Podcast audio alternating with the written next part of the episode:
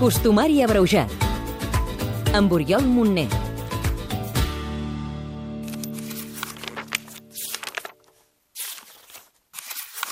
Aquí, 1 de novembre, Tots Sants. Per Tots Sants, capes i mocadors grans.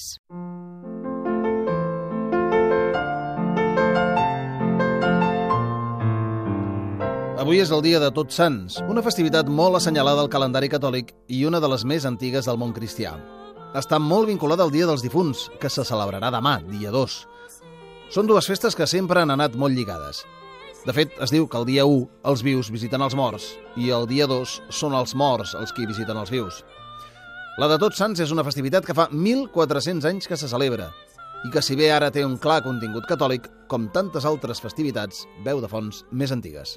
Lluís Garcia, historiador. Eh, vindria amb el, amb el papa Bonifaci IV, que va decidir purificar el temple del Panteó de Roma, que estava dedicat a, diguem, a tots els déus romans. No? Llavors va decidir que l'1 de novembre es fes una festa en honor de, de tots els màrtirs i els sants cristians. I la celebració del Dia dels Morts té un origen clarament celta, anterior a la, a la cristianització i d'aquí ve tota la història de, del Halloween, també, que literalment no, o etimològicament és la, vol dir la vigília de tots sants, All Hallows Eve, eh, en, en anglès antic. L'establiment definitiu de l'1 de novembre com a dia en honor de tots els sants va arribar 200 anys més tard. Actualment es va als cementiris, avui dia 1, perquè és festiu, però abans s'hi anava el dia 2, que és quan toca. La tradició de visitar els difunts ve de lluny. Ja ho feien els romans, que situaven les seves necròpolis a les entrades de les poblacions i als camins.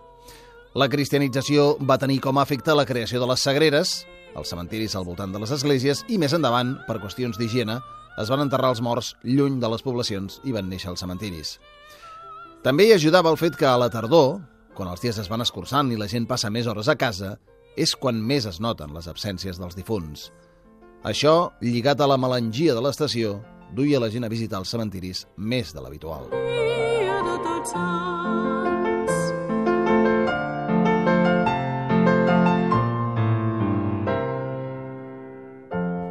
I pels ofesos amb la massiva acceptació del Halloween, direm que aquí a Catalunya, sobretot al Ripollès i a Osona, també es buidaven carbasses i s'hi ficaven espelmes dins per fer por. És fàcil imaginar-se l'efecte terrorífic que havia de fer la visió d'aquestes carbasses il·luminades pels camins en un món com el que hi havia fins ben entrat al segle XIX, sense cap mena de llum artificial i en què la foscor les nits era absoluta. Si a sobre les duia algú caminant, l'efecte de por encara era més gran. Per tots sants, castanyes per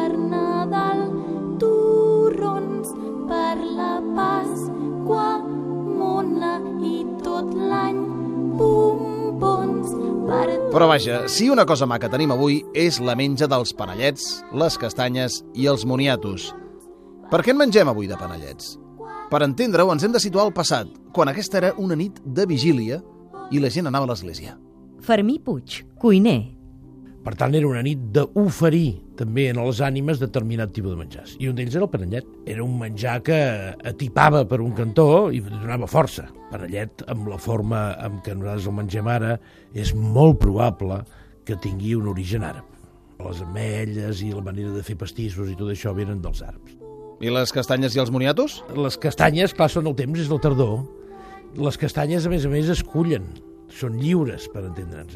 Anaves al bosc i collies castanyes, per tant, estaven a l'abast de pràcticament totes les butxaques. I en el cas dels moniatos, probablement és dels tubèrculs més baratos, diguem-ne, no? Més a l'abast de tothom. Les castanyes, doncs, són de l'època en què ens trobem. I abans de l'escalfament global que vivim i que aviat ens farà passar la castanyada a la platja, l'1 de novembre feia fred. Venia de gust menjar coses calentes i fins i tot comprar-li castanyes i moniatos a aquella castanyera abrigada dins la parada per posar-nos-les a les butxaques i tenir les mans ben calentes.